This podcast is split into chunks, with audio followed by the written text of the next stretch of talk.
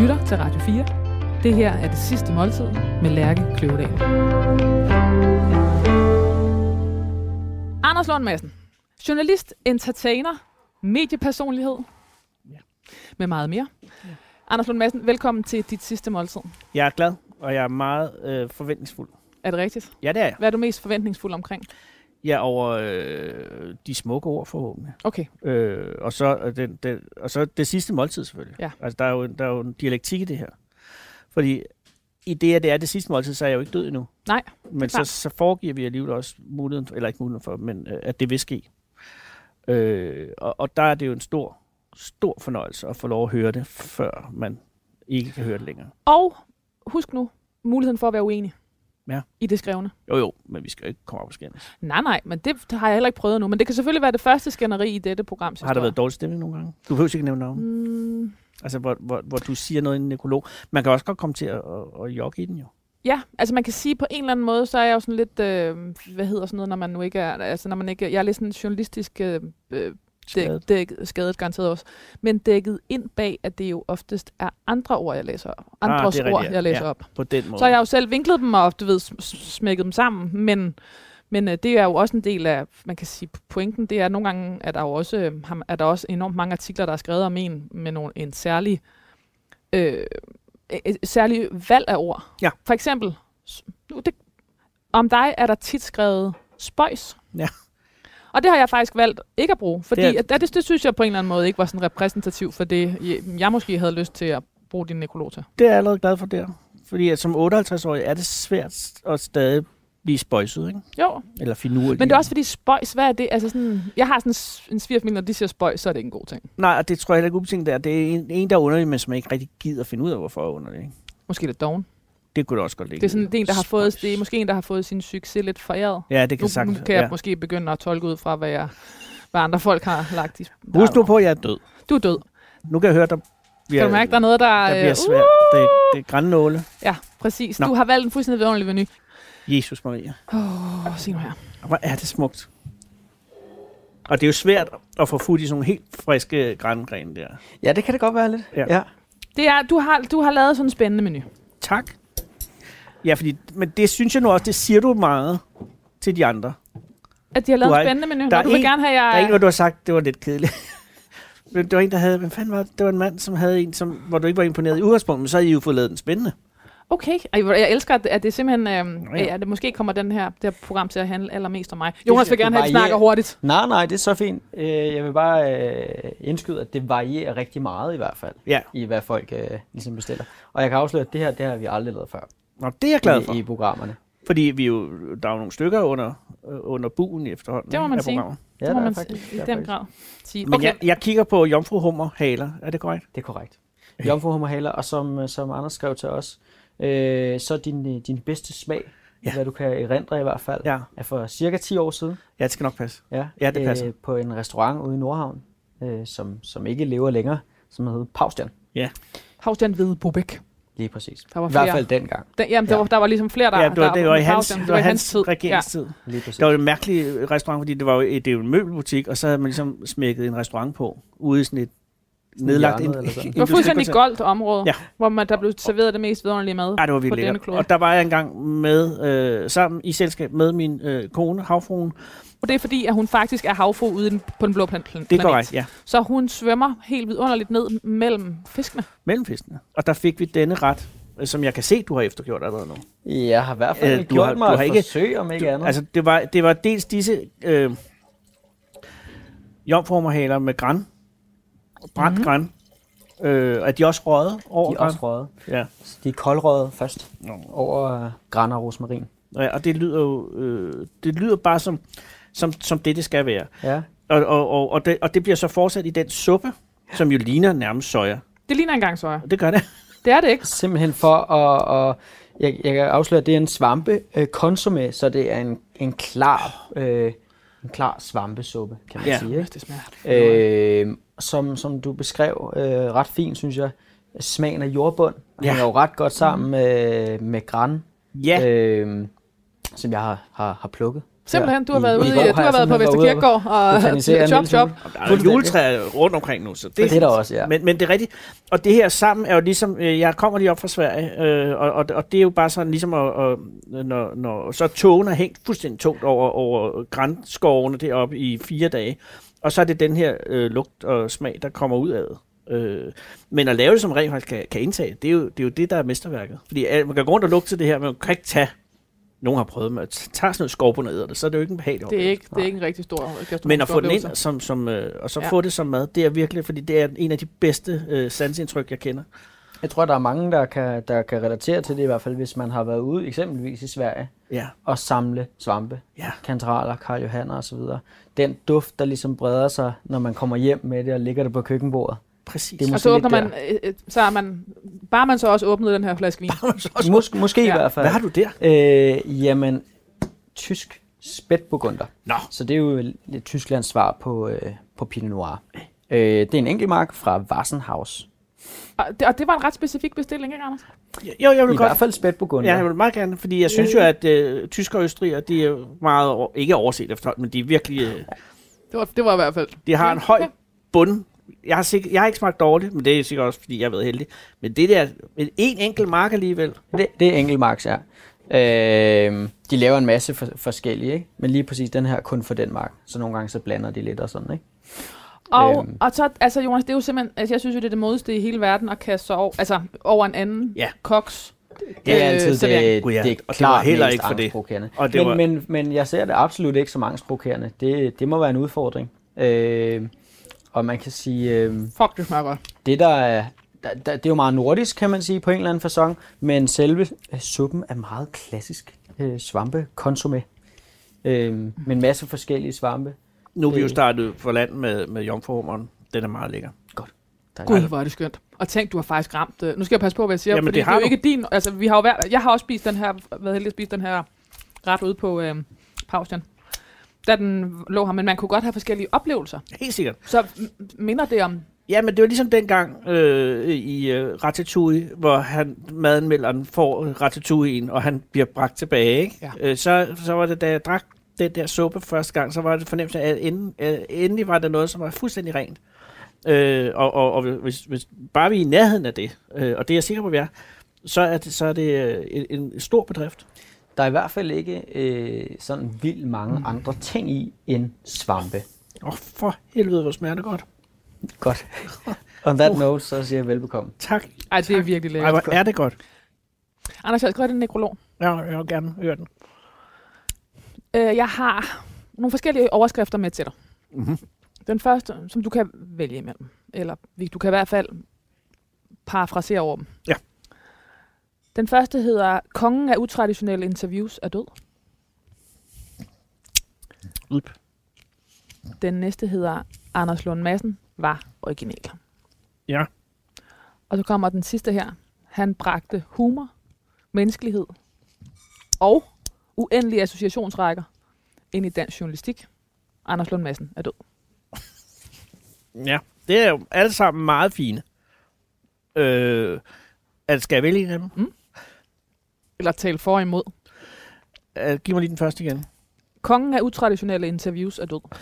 Øh, ja, altså det vil sige, altså jeg, jeg, øh, jeg, jeg tror ikke, øhm, og jeg mener ikke, jeg er kongen af nogen øh, utraditionelle interviews. Jeg tror nogle gange, at jeg har øh, troet, at jeg var det, og, så, og da jeg var yngre, har jeg også virkelig prøvet at gakke det ud, men at jeg, jeg, øh, jeg synes egentlig ikke sådan noget utraditionelt interview i sig selv øh, giver nogen kvalitet øh, andet end at det, øh, øh, hvis det hvis det fører til et eller andet. Men, men det, jeg har virkelig øh, på det et par enkelte gange aldrig sat mig ud for at lave noget, som var som var underligt, fordi det, det skulle være underligt. Det, det er ligesom endt i en eller anden form for panik øh, hver eneste gang, og det har jeg ikke øh, tilsigtet, men det har været fordi, at jeg har ikke haft en ordentlig jeg har ikke haft en ordentlig tilgang til journalistikken. Jeg har startet jo med at være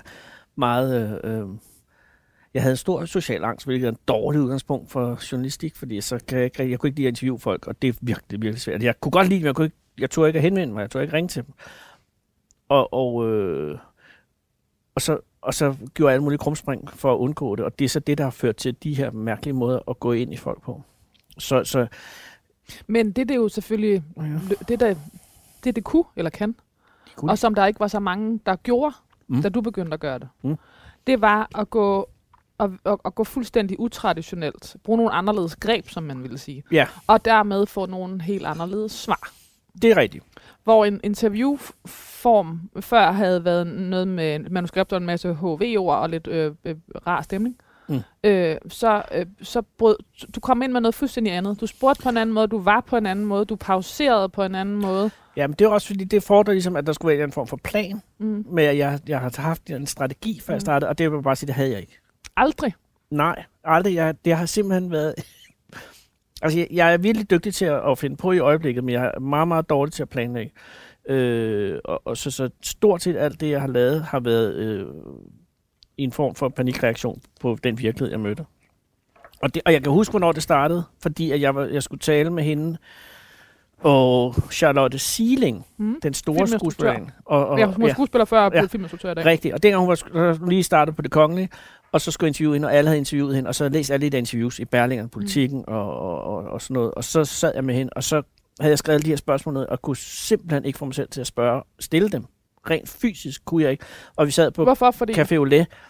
Jamen, fordi jeg vidste, hvad svarene var. Okay. Og, og jeg havde lavet spørgsmål ud fra de andre, ud fra det, jeg vidste. Ikke? Så jeg havde lavet en klassisk god research på øh, et menneske, ligesom som du har gjort på mig nu Mm. med at finde ud af, hvem er hun, øh, og hvad. Øh, og og der, der kunne jeg jo så kun, fordi at min fantasi er sindssygt dårlig, så jeg kunne kun gøre det øh, ud fra det, som jeg havde af kilder. Og så bliver det svar og spørgsmål, som allerede er kendt. Og når jeg så sådan, øh, skulle stille spørgsmål til Charlotte Silling om, hvorfor vil du gerne øh, et eller andet, jeg kan ikke huske det, så vidste jeg lige præcis, hvad svaret, og så kunne jeg ikke rent fysisk få mig selv til, og det endte jo med, at jeg, eller ikke jo, at jeg stak af og efterlod hende nede Så på caféen. Okay, du, fordi, men det må også være, fordi du har synes, det var pinligt at stille spørgsmål. Jeg synes, det var pinligt at stille spørgsmål. Jeg synes, det var pinligt at bruge hendes tid, og jeg synes, det var pinligt, at jeg ikke var mere interesseret i hende, end jeg kun havde noget, som allerede var besvaret. Øh, og det var jo et, et interview til Ekstrabladet, som var sådan et portrætinterview, og det var ikke noget... Det, det, alle skulle lave det, fordi hun var startet. Og, og, og, og det var bare så pinligt, fordi jeg, så, jeg sad der i et par minutter, øh, som vi sidder nu, og så kunne jeg ikke sige noget, og så fotografen sad, og han var øh, høflig og sød, og han sad og drak sin øh, kaffe, Okay. og så sad jeg, og så hentede jeg noget mere te, kan jeg huske. Og så, øh, så sagde jeg, jeg skal lige... Og så løb jeg ud af døren og op af, af, af Nørre Vold. Og sagde, jeg vil ringe. Og det har jeg ikke fået gjort endnu. Og det ligger tilbage i, øh, i 88 eller sådan noget. Og det var det, sådan ligesom, at, øh, at, at fik mig til at erkende, at jeg, at jeg kan i hvert fald ikke rigtig gøre det på den måde, med hensyn til at, øh, at researche alt for meget. Øh. Men det er fordi, at jeg har lært af den bedste, vil jeg sige. Fordi ham, der lige er død, Paul Høst Madsen, som var øh, journalist inde på Ekstrabladet. Altså, det var noget af det mest pinlige, jeg nogensinde har været med til. Overhovedet øh, var at være ude med ham. Fordi han altid sagde det forkerte. Altså, vi tog ud til noget. Han havde set, der var pressemøde for byens bedste bryster 2, som var sådan en cabaret Ja. med Birk Margrethe Forning. Køjto og, Nå. og, og Berit Korn og Lis, øh, Lisbeth Lundqvist og sådan noget.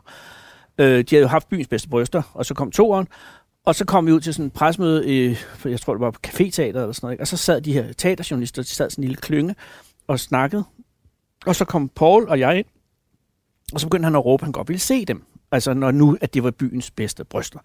Og det var vitsen. Der var intet i den, og den blev ikke bedre af, at den blev gentaget, og den blev gentaget, og den blev gentaget, og de blev ved med sådan, ha, ha, ha, og, sådan og til sidst så sagde jeg, "Ej, helt ærligt, og, og, så, og så begyndte han at klage og sige, I kan ikke sige, at det er byens bedste bryster, hvis ikke vi må se dem. Og så blev vi jo selvfølgelig smidt ud, hvilket var, var enormt underholdende, og enormt pinligt, og enormt øh, sjovt at læse bagefter, fordi at det et eller andet sted midt i hele den der latterligt dårlige pointe, øh, fortalte meget om sådan noget, med at man, noget med, at man siger noget, man ikke rigtig siger, og, og det var jo en anden tid, hvor vi kunne tale om det. Øh, og, og, og, der, og jeg sad og, og havde hver eneste sekund, mens jeg var det, fordi at jeg ligesom blev også blevet diplomaten, der skulle sørge for, at han kom med ud af døren. Øh, men samtidig skulle jeg også se bagefter, så var det verdens sjoveste og nemmeste opgave at beskrive det, og så gå hjem og holde fri. Og det øh, lavede vi så i syv år. Øh, stort set hver Tung lærermester. Ja, men også, Altså på den måde, er jeg, det er sådan noget kognitiv terapi, man holder op med at være bange, når man gør det tilstrækkeligt mange Mm. gange. Ikke? Og jeg holdt virkelig op med at have social angst, øh, takket være det, fordi jeg ligesom oplevede, at det kan ikke blive værre end det her. Mm. At stå, og det er også derfor, at så har jeg lavet sådan nogle forestillinger sammen med min storebror, og jeg har også lavet foredrag alene.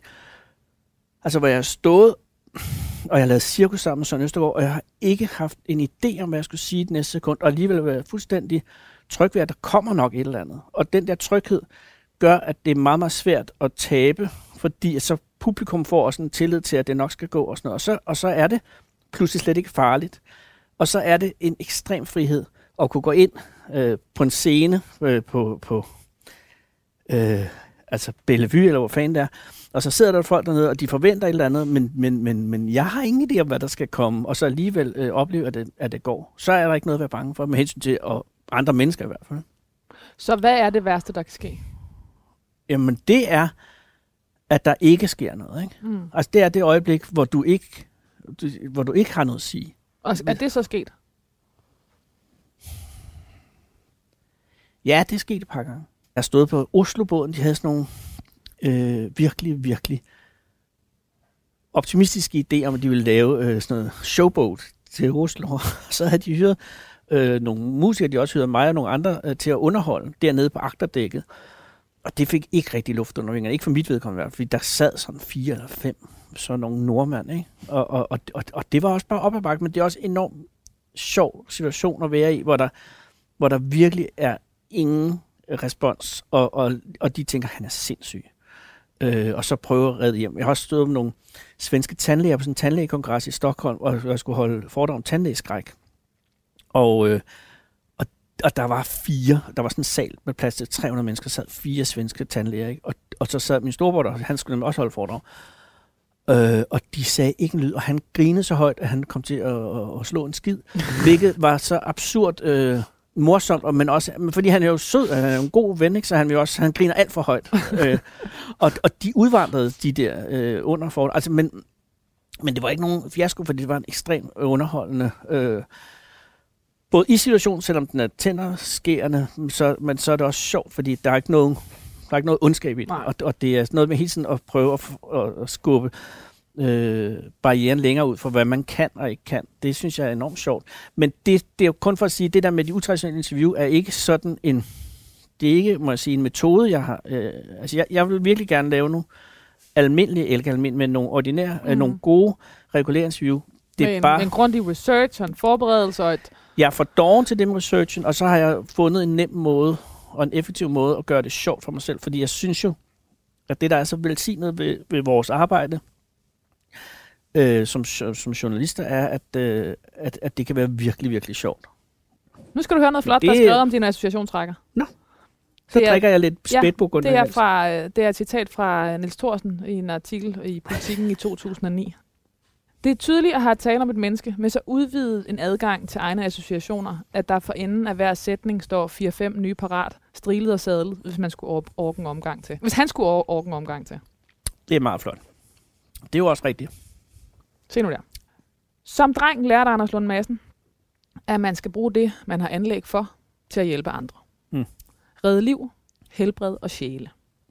Finde en måde at gøre sig nyttig på. Livet igennem ledte Anders Lund Madsen efter alvoren. Uden sønderligt held, mente han selv. For det var humoren, han praktiserede, øh, og, den talte, og den talte ikke i det regnskab, synes han. Latter vælter jo ingen regimer, sagde han i et interview til Niels Thorsen i Politiken 2009. Stærkt sagt. Mm. Men det er nok også rigtigt. Nej, Jesus, nu kommer han med mere med. Anders, nu er din næste ret kommet på bordet. Nu er det Det er der. Og det er jo hovedretten. Det er hovedretten, og øh, lidt en anden boldgade, vil man nok kalde det. Det er igen øh, vekselvirkningen. Ja, Det kommer Ja. vi til. Yes. Øh, men du har jo gjort det fortalt- med pistolen for panden. Fuldstændig, fuldstændig. Øh, dåseravioli Mm. fra menu. 13 kroner. Fuldstændig. Jeg tror faktisk, det var 13,95. 1395 er den oppe. Sådan der. Den er. Ja. det var... Øh, Men med, du har, jo, du har jo, hvad hedder det? Det dufter vidunderligt. Som du skrev til os, at den, den kunne tages op til, til overvejelse, om man vil freestyle på den. Ja. Det har jeg valgt ikke at gøre. Det har du ikke gjort. Nå. Nej, Men jeg kan se, der, der øhm, Øhm, den, den, den har noget, den er mere den har, kompleks. som du skrev, foragtelige mængder parmesan.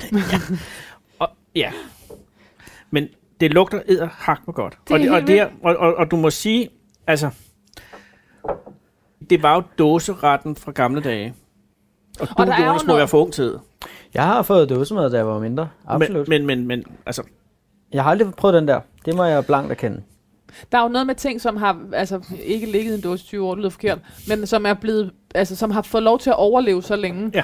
Altså, øh, det, det, har jo, det, det kan jo noget. Altså, det, det bliver jo nødt til at smage godt, ellers så bliver, er det jo ikke blevet solgt, ikke i, solgt. øh, præcis. Så, der, så der, hele balancen mellem sødt, syre, salt og umami, den er der, må der jo være. Jeg har ikke smagt den her før. nej, men, men, men, og det tror jeg, den er. Men jeg, altså for mig har det bare været, at øh, dengang, at øh, vi blev passet, øh, min bror og jeg, af, af, af barnepiger, hvis mine forældre skulle ud, så skulle vi skifte til at bestemme, hvad vi skulle have, og så var det her altid mit valg. Øh, og, og det er bare en, en meget...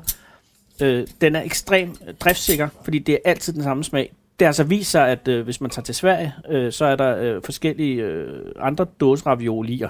Nå, men det er ikke den her, der smager noget andet. Det er ikke ligesom, når man drikker et Jo, eller andet fordi- sodavandstyper, som pludselig i nogle lande, så, smager, så er der puttet dobbelt så meget... abs- Det er, okay, Men det Måske, ja, ja. præcis, fordi så i, her i julen, hvad synes du? Uh, det smager dåse ravioli. Men det er der også. Men i julen, så havde de i Sverige, øh, så kom der en ny dåse, den samme mm. producent, så står der ny opskrift. Men den har jeg jo aldrig forstået, den der nye forbedrede smag i det hele taget. Hvad er det?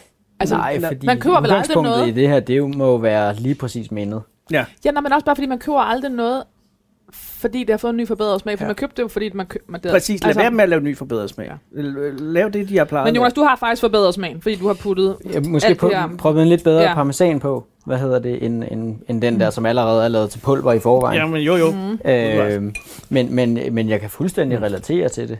I, i, hvis, hvis man ikke har fået øh, forloren skildpadde på dåse, så tænker man, det skal jeg aldrig have i mit liv. Altså, det kan jeg sagtens dykke ned i den dag i dag. Uden Og det er nemlig øh, et godt eksempel, fordi at, at så begyndte øh, slagter, slagter over på Kaplevej pludselig at lave forloren skildpadde i en form for luksusudgave. Det var vi ikke interesseret i. Det skulle smage, som det plejede. Ja, fordi det der Ja. kød skal jo travle på den. øh, At det, der, der er, det er jo det, man køber, når man køber øh, hele fabrikater. Og, og det, jeg købte, når, og stadig køber, når jeg køber den her dåse ravioli, det er kun trygheden ved, at der er noget, der er, som det altid har været. Jeg kan godt mærke den voldsomme kontrast for det, vi lige har spist, som jo er, er, er, er og så til det her masseproducerede, Ja. øh, hvor, hvor, hvor vi går efter en bred fællesnævner. Men så, øh, og jeg vil sige, den vinder ikke ved at komme lige efter øh, skovsø. det kunne godt være, at man ville have arbejdet omvendt, hvis man sådan skulle gå efter sådan... Øh, Der er, en, ja, der er altså, hele, hele maven nu siger nej. Men det, og det taler kun din kokkekunst til jer, Jonas. Nå, det er godt. Fordi ja. at, at hvis nu man sagde Gud endelig, nå, ja, præcis. Ej, hvor var det rart. der, det var da rart Så komme. kommer ja, der en tredje runde, så kan det være, at vi, vi trækker tilbage igen. Se nu der. Præcis. Måske. Det er så. Velbekomme. Tak. Tusind tak. Mm. Øhm, du, vi kommer fra, at latter vælter jo ingen regimer, sagde han. Ja. Altså dig i et interview til Niels Thorsen. Måske derfor flettede han karrieren igennem programmer om døden, inden mellem satire og underholdning. Helt alene på DR2 øh, 2009, Du skal dø på DR1 2003, Jeg vil dø på DR1 2018. Og måske nogle flere. Mm. Øhm, hvorfor havde du lyst til at begynde at lave den type programmer? Jamen, jeg tror, det startede med, at der var en... Altså, jeg var stadig på Ekstrabladet, og jeg havde øh, udfordring med hensyn til det der med at finde nogle, nogle, noget, noget journalistik, som, som ikke var optaget af bedre og dygtigere folk end mig. Og så fandt jeg ligesom et refugium i, i de her dødsannoncer, fordi der var virkelig ikke rigtig nogen opmærksomhed omkring det. Og så havde jeg bare øh, sådan en formodning om, at folk, hvor man efterlyste pårørende, der måtte det være enormt gribende historier. Jeg tænkte, de sad alene, og, og så var de døde, og så var de glemt, og så ville jeg ligesom sørge for, inden de var helt glemt, at, at, at, at lave et portræt af, af den ukendte. Ikke? Og så viste det sig så, at det var ikke tilfældet. Øh, nogle gange var det til, men ofte var der alle mulige andre årsager til, at man ikke lige havde nogen pårørende, eller fik efterlys. Det kan være, at man var blevet uvenner. Det kan være, at man øh, ikke havde nogen familie, men havde masser af venner og sådan noget. Jeg husker, den allerførste, jeg lavede, var en kvinde ude for, jeg tror, det, det var nogle ældreboliger ude på Frederiksberg, hvor hun var død, og hun havde, en, øh, hun havde noget skizofreni, eller noget. Jeg er ikke sikker på, at det var diagnostiseret, men hun var, hun var død på det her beskyttede bolig øh, i sin lejlighed i sengen, og hendes hjemmehjælper, som det hed på det tidspunkt, hende, der kendte hende bedst, hun fortalte, at hun havde øh, en enorm stor skræk for, at der skulle komme nogen mænd gennem vandlåsen på hendes toilet øh, og voldtage hende. Og øh, derfor var hendes primær bekymring over for hjemmehjælperen, altid om de huskede at lægge låget. Låg. Øh, fordi hvis ikke kom låg, så, så kom de, og hun oplevede nat efter nat at blive voldtaget af de her mænd, der kom gennem vanddåsen. Ikke?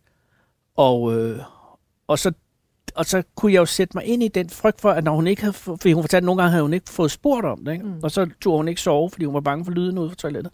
Og den der øh, helt primale øh, skræk for sådan noget, kunne jeg godt sætte mig ind i, og, og, og, og jeg, kan, jeg kan ikke forestille mig, øh, hvor, hvor dyb en skræk det må være at have det sådan. Ikke? Og så prøvede jeg så at finde ud af, hvem, hvorfor var hun ind ligesom der i, sit, i sit liv. Og så var der en anden hjemmehjælper, som kunne om, hun var kommet over fra Sydjylland, så vidt jeg husker, og hun havde hun var blevet gravid i en ung alder, øh, og så havde faren tvunget hende til en abort, og ellers så vidste de ikke noget. De vidste bare, efter det, så havde hun blevet øh, underlig. Men altså, det var tredje, firehånds udsagn og sådan noget. Ikke?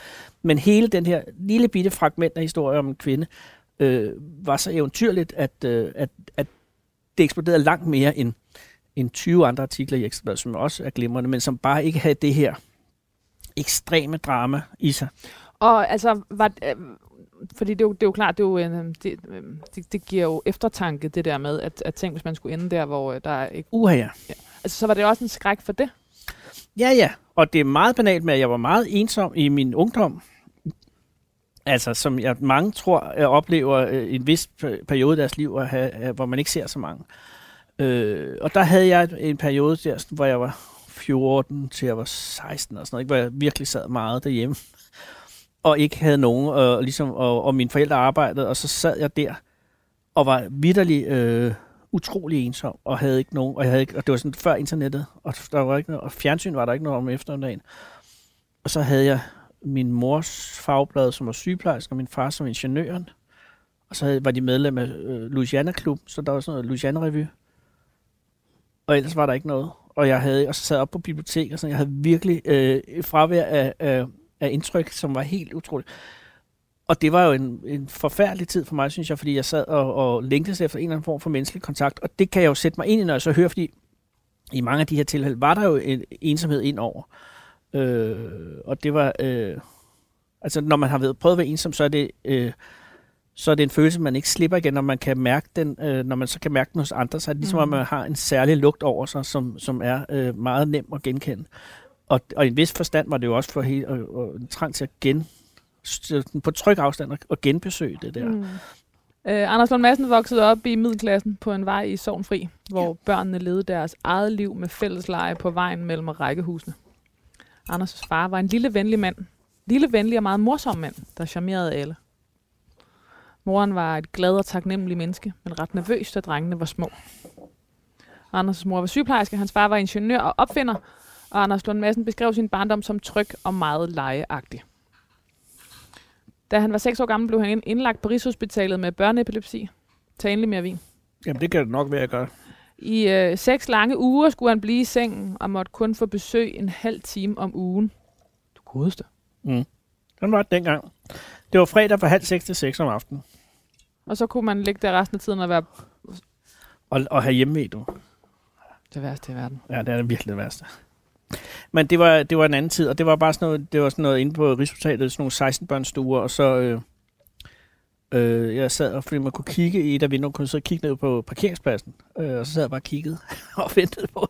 Det var virkelig, virkelig, virkelig sødt.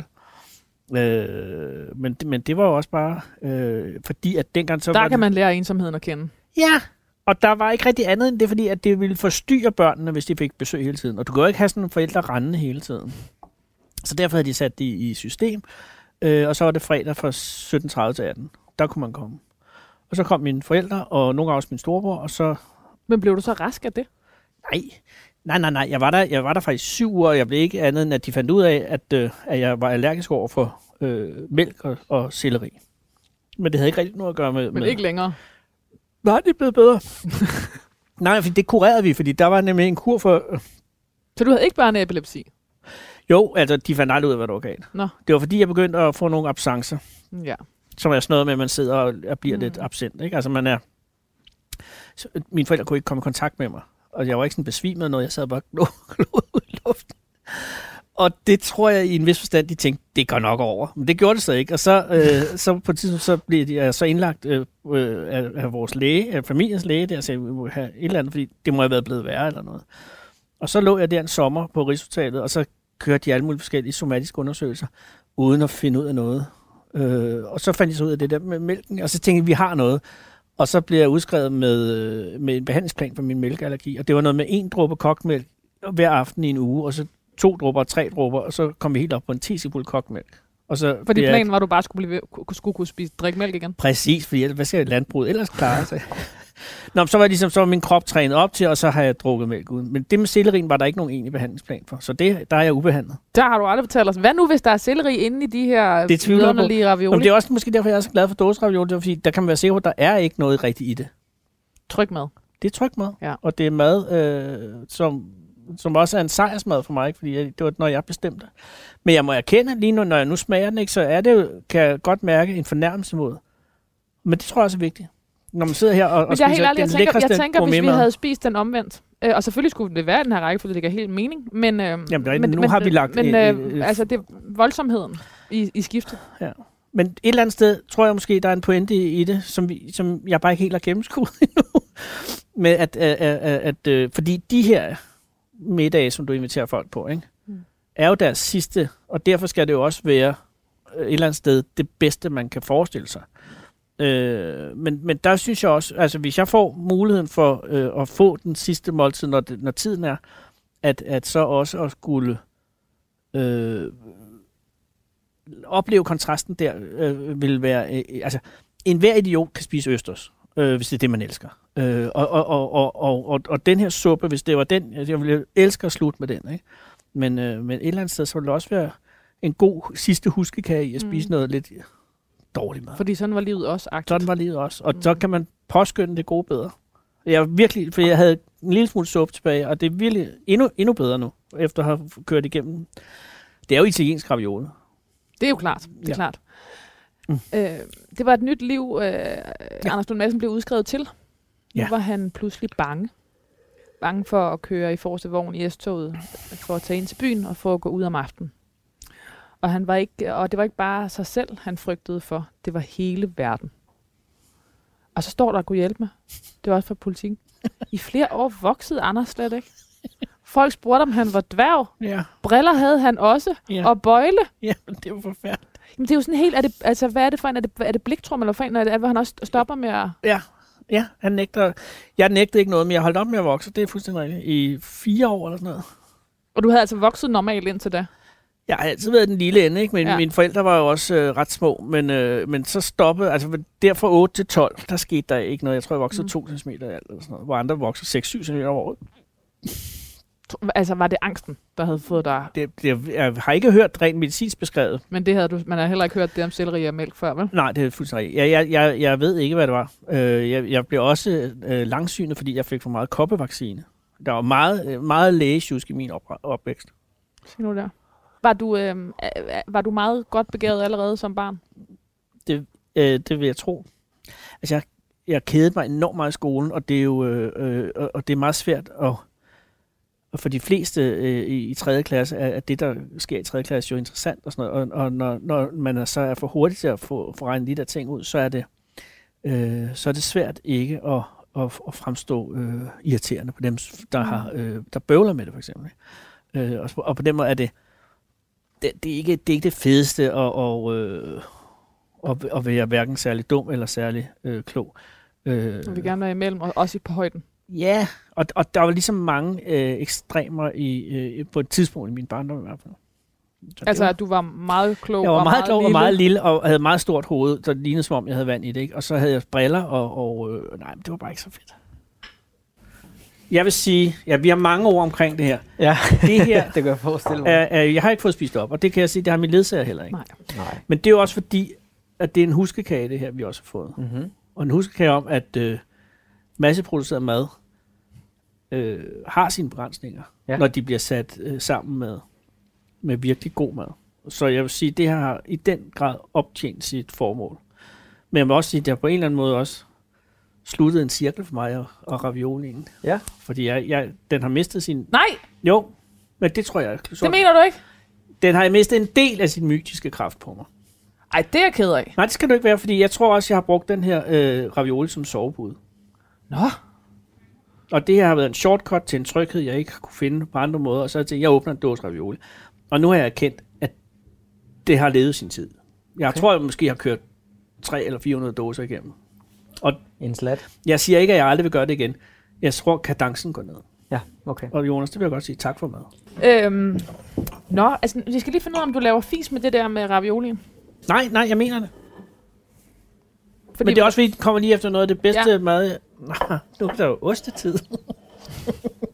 Ja, vi, vi har faktisk næsten kunne fornemme øh, begejstringen i Ja. den besked, Ja. du sendte til os. Ja. Det, jeg nogle gange synes er det aller mest vidunderlige ved det her program, det er, at øh, når gæsterne bliver sådan, øh, altså sådan øh, overrasket, eller sådan, den der begej... Altså, det er så sødt. Ja, du har jo selv bestilt det. Jamen, jeg Men det er jo det er sådan, nej, men det er skui. Altså, det, Det er, sådan, det er så sødt. Og du I nævner jo it. flere forskellige muligheder, hvad det kan være. Ja, altså, det- I princippet siger du bare, al ost. Ja. Og så nævner du et par stykker, ikke, hvad, hvad det ligesom kan være. Ja. Og øh, en enkelt af dem er en, du har... Er det Har- har øh, blåskimlen? Det er faktisk øh, hvidskimlen, som Uh. du har været inde på. Så der, for, for dem, der ikke lige kan se det, Ja. dem, der lytter med, Ja. jamen, så er der fire forskellige oste. Mm. hver sin kategori. Og øh, i, i venstre side, hvis vi starter der, fast komælk, helt klassiker, kom til 24. Mm. Så 24 måneders øh, kom til, som er fransk øh, komælk. Åh, Jonas, det er god med. Næste Mm-hmm. er, er en af dem, du har været inde på. Hvidskimmel, Uh, den har, ja. og det er en Briand Savarin. Oh. Øh, den næste er dansk, en rødkit. Så vi har den faste, faste øh, ko, så har vi en hvidskimmel, så en rødkit. Det er en rød løber fra Arla. Unica. Yes. Og øh, så er vi over i en blå ost, som hedder Bleu de Verne. Eller fra Auvergne i Frankrig. Ej, det er altså også godt. Gud, er det dejligt. Så er der lidt blommemarmelade og lidt, øh, apropos skov faktisk, det er faktisk en italiensk skovhonning. Er det en skovhånd? Ja, det er så. Se nu der. Jamen, Nu mødes det hele. Og så skal det. der lidt knækbrød ved siden af, selvfølgelig. klart. klart. Og i, i glasset, der var Ja. du lidt mere specifik, og det skal du selvfølgelig have. Så øh, portvin, Kolheiter fra 2000. det lugter godt. Jeg tænker bare, lad den stå her. Det smager faktisk skide godt, hva'? Ja, det gør. Det gør det jo. Det er sådan lidt, øh, det er sådan mørke stenfrugter Ja. på glas. Ja, Mørk stenfrugtglas, det er Ja. meget Ja. præcist. hør ham. Velkommen. Tak, Jonas. Tak. Øhm, altså, jeg bliver ligesom nødt til at spørge og stille spørgsmålet. Ja. På sådan en ikke så elegant måde. Men øhm, Er der nogen? er, Hold- er, det, fyld, er det, ensomhed fylder det stadig meget? Øh, altså man kan sige, at det er jo, øh, det er jo mange børn, jeg har fået, ikke? Så på den måde er det, er det, fylder det jo meget. Øh, men jeg har jo... Øh, altså jeg har Ja, børnene fylder meget, så det er svært at... Man har ikke rigtig tid til at være ensom, for der hele tiden er et barn. Nej, og, og i en vis forstand har jeg jo nok også øh, været med til at lave så mange børn, fordi jeg ikke helst vil være ensom. Men øh, jeg kan virkelig godt lide at være alene, så jeg er slet ikke... Øh, alle de mange børn og, øh, og min kone har gjort, at jeg ikke... Øh, at jeg ikke har den her frygt for at blive, øh, for at blive ensom igen. Øh, så, så jeg er... Øh, ja, det, på den måde fylder ensomhed meget lidt, men det fylder jo meget på den måde, at det stadig er en, Altså, det er jo, det er jo, en, det er jo en stærk øh, fornemmelse, når man sidder der og føler, at der er ikke nogen, som har brug for en. Jeg tror, jeg sagde til ham der, Niels Thorsen, men altså, at jeg meldte mig til et kurs til yoga på ungdomsskolen i Lønby Torpe Kommune over på Engsborgskolen, øh, fordi de lukkede øh, EDB-kurset, som jeg gik på. Og så havde jeg, og det var ligesom det eneste, jeg havde, og så, tænkte jeg, jeg, og så var der kun det, det der yoga, og jeg havde ikke tænkt på yoga, men jeg havde tænkt på folk i Tajikistan. Øh, øh, men så eksploderede min verden jo, fordi at der var kun piger. Og jeg var, jeg var 16, jeg var lige blevet 16, ikke? og så, øh, ej, 15 var jeg sgu kun. Øh, og så hele det der yoga, altså det var fuldstændig underordnet. Det var kun det der med, at det var piger. De var sindssygt søde alle sammen. Og, og, og det handlede om noget med kroppen, og, og så var der sådan noget, at vi skal have varme i kroppen, vi skal give hinanden massage, og så skulle man, og så kunne man melde sig fri, så fik man en massage. Ikke? Og så, altså første gang, at jeg blev rørt ved af en, af en pige, var under sådan øh, en massageøvelse der. Ikke? Og det er jo lige meget, fordi det var kontrasten for aldrig at have prøvet det, til at prøve det. Altså, og det gik jo så fra 0 til 100 i det hele kurset varede sådan et halvt år. Øh, men altså, det kulminerede sådan i efterårsferien, hvor vi var i, der var en af pigen, der hed Eva, øh, hendes forældres sommerhus oppe i Hornbæk, hvor vi plantefarvede garn med birk og, og, og, og noget mos og noget shit, ikke? Og så, var vi ellers, og så havde vi, jeg tror, vi havde halv gram has, øh, som, jeg ved ikke, om vi fik røget det, men, men, men og, og, øh, og, og, og, og, vi, og vi var jo, altså det var vanvittigt. I, I min verden eksploderede altså fuldstændig fra at have været ingenting til at have været alting. Altså jeg var så, øh, jeg var så helt ufattelig lykkelig efter den, øh, den der efterårsferie med det der åndsferie plantefarvning, hvor jeg stod med Eva, så stod vi i, øh, med den ene fod i, det var før kommunereformen, så det var den ene fod i Hornbæk Kommune, anden fod i Gilleleje Kommune, og så lavede vi soløvelsen, mens solen stod op, ikke? Sådan, øh, mens vi kiggede på hinanden, og det ville jeg aldrig nogensinde have troet, jeg skulle være i nærheden af noget, der lignede det. Og hun var et øh, fantastisk smukt øh, menneske, øh, og, og jeg var dødelig forelsket, og så var jeg forelsket i en anden. Og, det hele var, men altså alting foldede sig ud, ikke? Og det er jo bare et lykkeheld, at det kunne, at det kunne ske, øh, og, og at det fik lov at ske. Og det var en tid, hvor at man kunne gøre sådan noget. Øh, og så er det klart, så stopper de der kurser, ikke? og så, holder, så kommer virkeligheden igen. Ikke? Men, men, men, det, men man det kan gør heller ikke noget. For, nej, præcis, for man har fået det. præcis. Altså, der er altid noget nyt at kunne... Uh... Og det gjorde så også, at hver gang jeg skulle i kontakt med en pige i årene fremover, så var det hele tiden noget med, skal vi ikke... Massage? Altså, det var ligesom den eneste nøje, jeg havde. Og det er jo rimelig træls, når man er 24, stadig at køre på den. Men altså, det var ligesom, hvad jeg havde til at massage. Vildt, du, har, du, to, altså der, du har bare to go-ture, det er, det er massage og ravioli. Ja, men det er basics nu. Det er basics. Og det er bedre end ikke at... Og, øh... og, ikke, og det er jo bedre end ikke at have det. Ja. Det der med så at have haft den der, eller den der, fordi ensomhed er jo u, altså uendelig, når man sidder i den. Mm. Men at det så var øh, øh, andre mennesker. Altså, det er jo klart.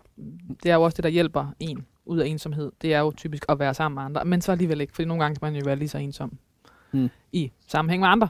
Men blev det så ligesom det, der sådan var dit du ved, blev du så, øh, løb du så efter det? Efter... Ja. Det må jeg nok erkende, at det gjorde jeg.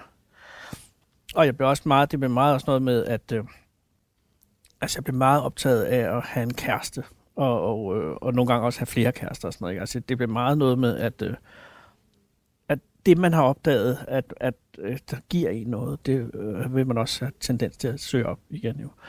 Øh, så det, det handlede meget om det øh, for mig i mange år, synes jeg. Mm. Øh, og, og, og så hele tiden, jeg havde svært ved ikke at have en kæreste, og så var jeg i nogle, sådan nogle forhold længere tid, end jeg skulle have været det, fordi jeg var bange for, ellers så havde jeg ingenting og sådan noget. Øh, så det er jo ikke sådan, så, at der kommer en fuld poleret diamant ud på den anden side, men, men jeg, jeg, øh, altså jeg vil i hvert fald øh, aldrig nogensinde ønske mig at, at øh, at skulle have undværet det der med at, og, og, og oplevelsen af at komme ud af det. Det er i hvert fald det er fantastisk. Så, så jeg tager gerne øh, de, de bivirkninger, der også er.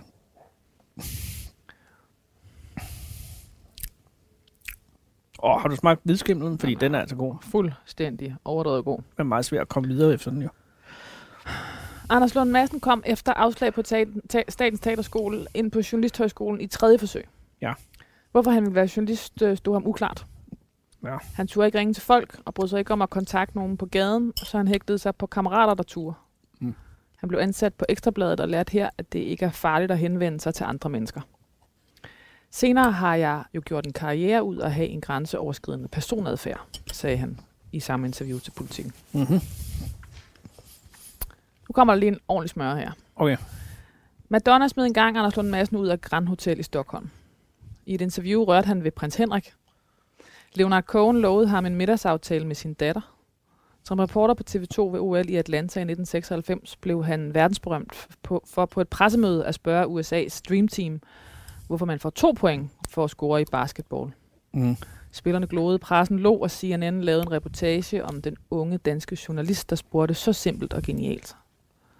Han lavede et øh, interview med Robbie Williams med at ramse alle de ting op, han havde fået at vide, han ikke måtte snakke med popstjernen om. Hvorved de netop kom til at snakke om de ting. Og han interviewede et X-Factor P-band, øh, hvor et af medlemmerne var blevet beskyldt for at stjæle, og hen mod slutningen placerede han 200 kroner på studiets skrivebord og slukkede for lyset i et øjeblik. For at se, om pengene stadig var der, når lyset tændtes. og for at afkræfte rygterne. Ja, det var snedigt. Ja. Nå, så vildt, hun havde taget dem, ikke? Ja. det, havde været, det havde ikke været så godt. Der skal man stole på folk. Så altså, når vi starter med at, eller jeg starter med at sige det der med anderledes interviewform, eller anderledes greb. Ja. Altså, jeg kunne, den her smør kunne have fortsat. Jeg skulle have skåret den til. Nå jo, men altså, det er jo sådan, øh, sådan tv-historisk. det er meget pænt af dig at sige, men ja, jo, ah, nej, jo, altså det er jo bare... Jeg synes, det som var... Øh, Det er jo en sindssygt god idé at spørge Robbie Williams om, hvad han ikke må snakke om. Så begynder han at nævne alle sine, de talepunkter, han ikke må ja. nævne. Altså, Ja. det er jo så sind, voldsomt godt tænkt. jo, jo, nej, men det er heller ikke mere originalt end det andet, end at, at hver... Øh, nu ved jeg ikke, hvordan det er nu, men før i tiden, øh, hvis der var popstjerner og rockstjerner, så var der jo altid sådan øh, en form for desinger først. Det, du skal være opmærksom på, er, og så videre, og helst ikke. Og, øh, og, og, og der havde jeg... De få gange, jeg havde været i nærheden af sådan nogle øh, popstjerner, bare oplevet, at det, at, det, at det ofte var sjovt at sige det, de havde sagt, man ikke må sige. For det viste sig ofte, at det var slet ikke noget. Mm. Og det kan jeg også huske fra, øh, når jeg selv i meget mindre skala har været ude og skulle underholde nogen, så har de sagt, øh, vi har fået at vide, at du under ingen omstændighed har kaffe, og så, det har jeg altså, altså. Og så bliver folk sådan helt, nå, er det rigtigt? Og så kan man snakke om det. Så på den måde er det jo meget, øh, et meget nemt greb øh, at sige, øh, og det var også det, der var intentionen med det der ulyksalige noget med Madonna, dengang, at der havde de sagt bare, at det var vigtigt, at hun havde kun 20 minutter. Fordi der kom en fra Sverige bagefter, og de havde alle 20 minutter. Og, og det var ikke 19, og det var ikke 21, det var 20 minutter. Og så var det, øh, så synes jeg, hvilket var en fejl, at det ville være sjovt, hvis jeg startede med at sige, at jeg er ikke sikker på, at jeg kan bruge alle 20 minutter, fordi jeg skal hjem og lægge mine børn i seng. Og den fik jeg bare ikke sagt ordentligt, sådan så hun... At det blev bare virkelig akavet. Øh, og det var ikke sjovt, vel? Fordi det, det var... Jeg havde håbet, hun ville sige, åh, det er sjovt, fordi det er da mig og sådan noget, vi kan sagt. Mhm. Øh, og så kom Ja, det der okay, der, faldt det, der kan man sige, der faldt det faktisk til jorden. fuldstændig fordi, at øh, og det er også noget at gøre med sproget, vil jeg godt undskylde ja. mig selv med, men også fordi, at så begyndte de der åndssvage sælskinsbukser at spille en rolle, fordi Så så, havde selskabsbukser Ja. og, og der havde jeg bare ligesom, jeg kunne mærke, at den her vits, den flyver ikke, mm. så, jeg, så jeg siger så det her, fordi hun havde sådan nogle chaperoner med, altså nogle assistenter, der ja. Ja. sad i sådan en sofa, og så sagde jeg, øh, fordi de, jeg kan høre, de snakker om, om de her bukser, øh, så sagde jeg, at dine venner kan ikke lide mine bukser, eller sådan noget. retning. Og så, så kunne jeg så se, at det kunne hun heller ikke. Og så begyndte det hele at, ligesom at blive, blive underligt. Øh, og så trak jeg så den sidste øh, S ud af ærnet. S var det så ikke, men det var netop fordi, at jeg havde faktisk siddet og læst Berlingeren i flyveren på vej op til Stockholm, og der havde jeg set en af de der åndssvage dødsannoncer, som jeg holder af, hvor de efterlyste pårørende. Og så viste jeg, tog jeg den frem og viste den til Madonna og spurgte, om det var sådan noget, de også havde i øh, England, hvor hun dengang boede. Og der var det ligesom, at der skred interviewet fuldstændig, fordi altså, nu var der tre ting, hvor, hvor manden virkede forrygt. Øh, og så var det, at ham der, der styrede det hele, skred ind og sagde, vi stopper her. Og så siger han, "Jamen, der er gået halvandet minut, Jamen, vi stopper her. Og så bliver jeg simpelthen smidt ud. Ikke? Og det var jo så en katastrofe, sådan isoleret betragtet i det, at hvis man var interesseret i Madonna, ikke? hvis man nu havde sagt, jeg vil godt lave et interview, lige meget hvor popstjerne-idiot man er, så har man et lille krav på, at, at man interesserer sig ja. For personen. Ikke? Og det her var bare et show, hvor jeg ikke interesserede mig for Madonna, men jeg interesserede mig for at udlevere hende på en eller anden måde, eller sige, At- Og, og det callede hun på en eller anden måde med det samme. jamen, jamen hun var bare ligesom, hun gad ikke det pis, mm. øh, og hun synes ikke, det var sjovt, og, og, og det er jo det der, der er det infame ved humor, er, når det ikke det er sjovt, så er det ingenting. Hvordan havde du det bagefter? Jamen, bagefter synes jeg, så var jeg for så vidt endnu dummere, fordi så laver jeg så et helt program om, hvordan man bliver smidt ud fra et interview med Madonna. Ja. Hvor at, at hvis jeg nu var Madonna, nu tror jeg, hun er ret ligeglad, ikke?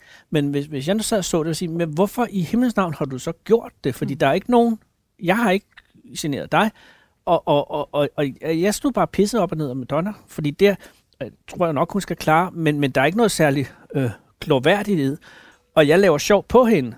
Og, og det kan sigvis godt hu- hutte sig hjem, fordi hun jo ikke er sådan en eller anden form for social taber eller sådan noget. Men, men, men jeg har ikke nogen, jeg har ikke noget motiv ud af bare spas. Altså, Blev det, du træt af dig? Ja, jeg vil da sige, at, at jeg er glad for, at jeg ikke har lavet sådan noget meget, fordi jeg synes, jeg synes jo, det er sjovt med akavethed og, og, og, og forstilthed og, og, og pinlige pauser og sådan noget. Hvis der er en eller anden form for idé i det, eller ikke idé, men en eller anden form for formål med det. Men hvis det bare er, er, er for spas, så bliver man til en spøjsperson, synes jeg. Øh, men der er det meget, øh, der er meget sjovt med Robbie Williams, Også fordi han er simpelthen et sjovere menneske, og mere humoristisk menneske. Fordi Madonna, meget kan man sige, er kraftigt ikke humoristisk. Øh, og, og der, var, der synes han jo, Men det har hun tydeligvis aldrig haft et problem med, at hun ikke var. Nej, det har hun nemlig ikke haft. Og, og hun har klaret sig glimrende. Øh, Kamala. Men, men derfor så alligevel er, er, det, er det langt sjovere at, at sige det til Robbie Williams, hvor han så siger, ah, det, er da, det kan du da godt og sådan noget. Fordi at, der kan man jo få en interessant samtale ud af. Men jeg vil sige, de der popstjerner, der var det bare, den største oplevelse, synes jeg, jeg det var med ham med Leonard Cohen netop, fordi han var, han var lige præcis, som jeg havde forestillet mig, han ville være. Og fordi du var dybt optaget af ham fra starten, Mm. eller i forvejen. Ja, ja. Og, og fordi han også, altså igen, havde også noget humoristisk sans, ikke? Og han havde sådan en, Tror du, at du kan, tror du, øhm, har du det sådan, at, øhm, at du kan, tror du, du kan interview, eller tror du, du kan, kom, tror du, du kan interessere dig for alle? mm. Mm. jeg vil meget gerne igennem hele bundet. Mm. Anders Lund Madsen startede Cirkus Nemo med Søren Østergaard. Han var med Anders Breinholt vært på radioprogrammet De Sorte Spejder på P3, der havde over en million lytter, altså per program. Det er korrekt. Anders Lund Madsen afprøvede de øh, fleste genrer, der findes i, i tv- og radiobogen, eller opfandt dem selv. Natmassen, Taxamassen, næste uges tv og det nye talkshow, blandt andet. Blandt, blandt virkelig mange andre. Han var forfatter til seks bøger, blandt andet en alternativ ordbog, og skrev og optrådte sammen med sin bror, hjerneforsker Peter Lund Madsen, med forskellige live shows. Desuden vandt brødrene Madsen to gange en million kroner til velgørenhed i Hvem vil være millionær. Tak for kaffe, nogle forældre må være stolte. Ja, det tror jeg nok. Dansk journalistik har meget få enere. Anders Lund Madsen var en af dem. Man kunne altid være sikker på en original vinkel med et overraskende bud på den virkelighed, der omgiver os alle sammen. Anders Lund Madsen formåede at kombinere sin krøllede personlighed, altid klædt i sært og spraglet tøj, Hmm. og med stort ulet hår, ulet hår hvilket faktisk førte til en del klager til DR om Madsens hårpragt med, Ja. øh, med en bred folkelighed. Altså, forstår du, hvad jeg mener? Du kombinerede din krøllede Mm, mm. personlighed. Det er en lang Det, ledsætning, det, jeg det er en lang ledsætning. Det er Ditte Giese i Politiken 2000. I et interview med Berlinske i øh, 2010 konstaterede journalisten, at når man færdes med Anders Lund Madsen, lægger man hurtigt mærke til én ting. Folk smiler, når de ser ham. Alle som en. Ja. Det er smukke ord. Anders Lund Madsen, Han efterlader sig corona og syv børn. corona, corona er super. Anders Lund Madsen efterlader sin hustru, skuespiller, fridykker og professionel havfrue Karin Præs Lund Madsen. Ja. Og sine syv børn. Modig, stærk, fri og vild. Og Sofie My, Bjørk og Storm. Fra et tidligere ægteskab. Det er korrekt. Jeg havde været hans minde. Amen. Og det er ikke sikkert, at det bliver de syv børn. Nej. Det kommer aldrig ud. Nej, fordi jeg har faktisk et citat fra dig, hvor du siger, den sikreste måde ikke at være ensom på, er at lave nogle børn. Ja, det er det også. Problemet er, at jeg har fundet på et godt navn. Eller, øh, Ah. Hvad er øh, det? Nej, det kan jeg ikke sige, fordi hvis nu ikke, jeg kan ikke jinx det jo. Okay, det er, det er lidt kedeligt tease. Men sådan er det. Okay. Nej. Anders Lund Madsen, hvad skal der stå på din gravsten? Jeg er glad for, at du spørger. Jeg vil jo ikke i noget ukendt grav. Øh, jeg vil jo ikke øh, kremeres. Jeg skal ikke slutte min tilværelse med at forurene endnu en gang. Så jeg vil gerne begraves. Øh, og så vil jeg gerne have en, øh, et monument. Mm. Og der skal sådan set, tror jeg, bare stå mit navn. Men det vigtige er udsmykningen. Mhm. Og det er inspireret af en, øh, en gravsten inde på Palæstinskirkegården, som jeg synes, jeg har tænkt lidt bedre, at det ligger en grædende engel hen over sarkofagen. Og øh, hun har sin, sine vinger sådan lidt opgivende kastet lidt tilbage. Øh, og så har hun selvfølgelig øh, sådan knæene samlet, og så ligger hun og græder. Jeg vil godt gøre den lidt mere udfordrende. Sådan så har en grædende engel. Men lille, altså, altså den der øh, øh, engeldragt er glædet en lille smule op. Nå, du vil lave hende lidt... Ah. Ikke, nej, men bare lidt En antydning. en antydning. Ja. Øh, og så skal der stå Anders Lund Madsen. Og, og øh, skal der stå noget? Øh, Jeg har en søn, øh, der hedder Stærk, øh, og vi deler en stor passion for gravsten. Og så sent som i forgårs, øh, sen eftermiddag, i det, der ligner en regnstorm i en by, der hedder Shinna, op i Sverige. Øh, der eftersøgte vi vores store passion, som er øh, gravsten øh, over børn, der er døde. Oh. Det er morbid, det erkender jeg. Men der er noget i det, så, øh, og vi kan, efterhånden har vi lært at kende dem, fordi øh, i Sverige, øh, det er der, vi mest går rundt og ser det. Øh, jeg tror også i Danmark. Nogle gange har man det der, så er det jo, især før i tiden, så mistede folk børn jo, desværre. Øh, og så øh, de her gravsten tendens til at være lidt mindre, så sådan nogle små. Så står der, og vi fandt ham også her i forgårs, han hed Christa. Øh, så var han, så der Christa øh, 1946 til 1958. Så han var blevet 12 år. Øh, og den, den historie, man kan lave ud af den, den er fantastisk. Så, så jeg er splittet imellem. Jeg kunne også godt tænke mig at have sådan en. Og den øh, øh, kolliderer med mit behov efter at have den grædende engel, som er en lille smule sjov. Alt det her kun for at sige, min pointe er, at åh, den grædende engel om 100 år, hun ligger måske og fryser lidt i sin overført betydning. Ikke? Og der kan godt være lidt mere langtidsholdbart at lave kristerløsningen, hvor, hvor man bare har den enkelte tekst. Ikke? Så jeg, jeg er på vej. Du er splittet. Jeg er skidesplittet. Jeg ved jo godt... Om ikke andet, så bliver det derfor. Nej, skal du kan have ikke, noget du kan ikke runde af på den her måde. Og, og så giv mig en flot afrunding. Jamen, jeg vil også bare sige... Nej, nej, gør det. Så gør det. Du ved, take, take us away. Nej, jeg kan ikke. Jo, jeg, nej, du- fordi, nej, kom nu. Nej. Jeg vil bare ikke Afrund! brændes. Jeg vil ikke brændes. Det er det eneste, jeg siger. Okay, nu, så, så giv mig... Du skal du sige på fem ord, Ja. hvordan du gerne vil huskes. Du, Øh. øh. Hvordan du gerne vil huskes i stikårsform. øhm, flot. Det er det. Det kunne ikke gå galt. Det gik ikke galt. Det, Det gik jo ikke ikke galt. galt. Det gik jo ikke galt. Anders Lund Madsen, tusind tak, fordi du vil være min gæst i det sidste måltid. For en fornøjelse. Tak for mad. Og nu er der nyheder. Du har lyttet til det sidste måltid på Radio 4. Nekrologen er skrevet på baggrund af flere artikler fra Politiken, især Niels Thorsens fra 2009, artikler fra Berlinske, Euroman og Wikipedia. Alle udsendelser ligger som podcasts på radio4.dk eller hvor du ellers finder dine podcasts. Tak, fordi du lyttede med.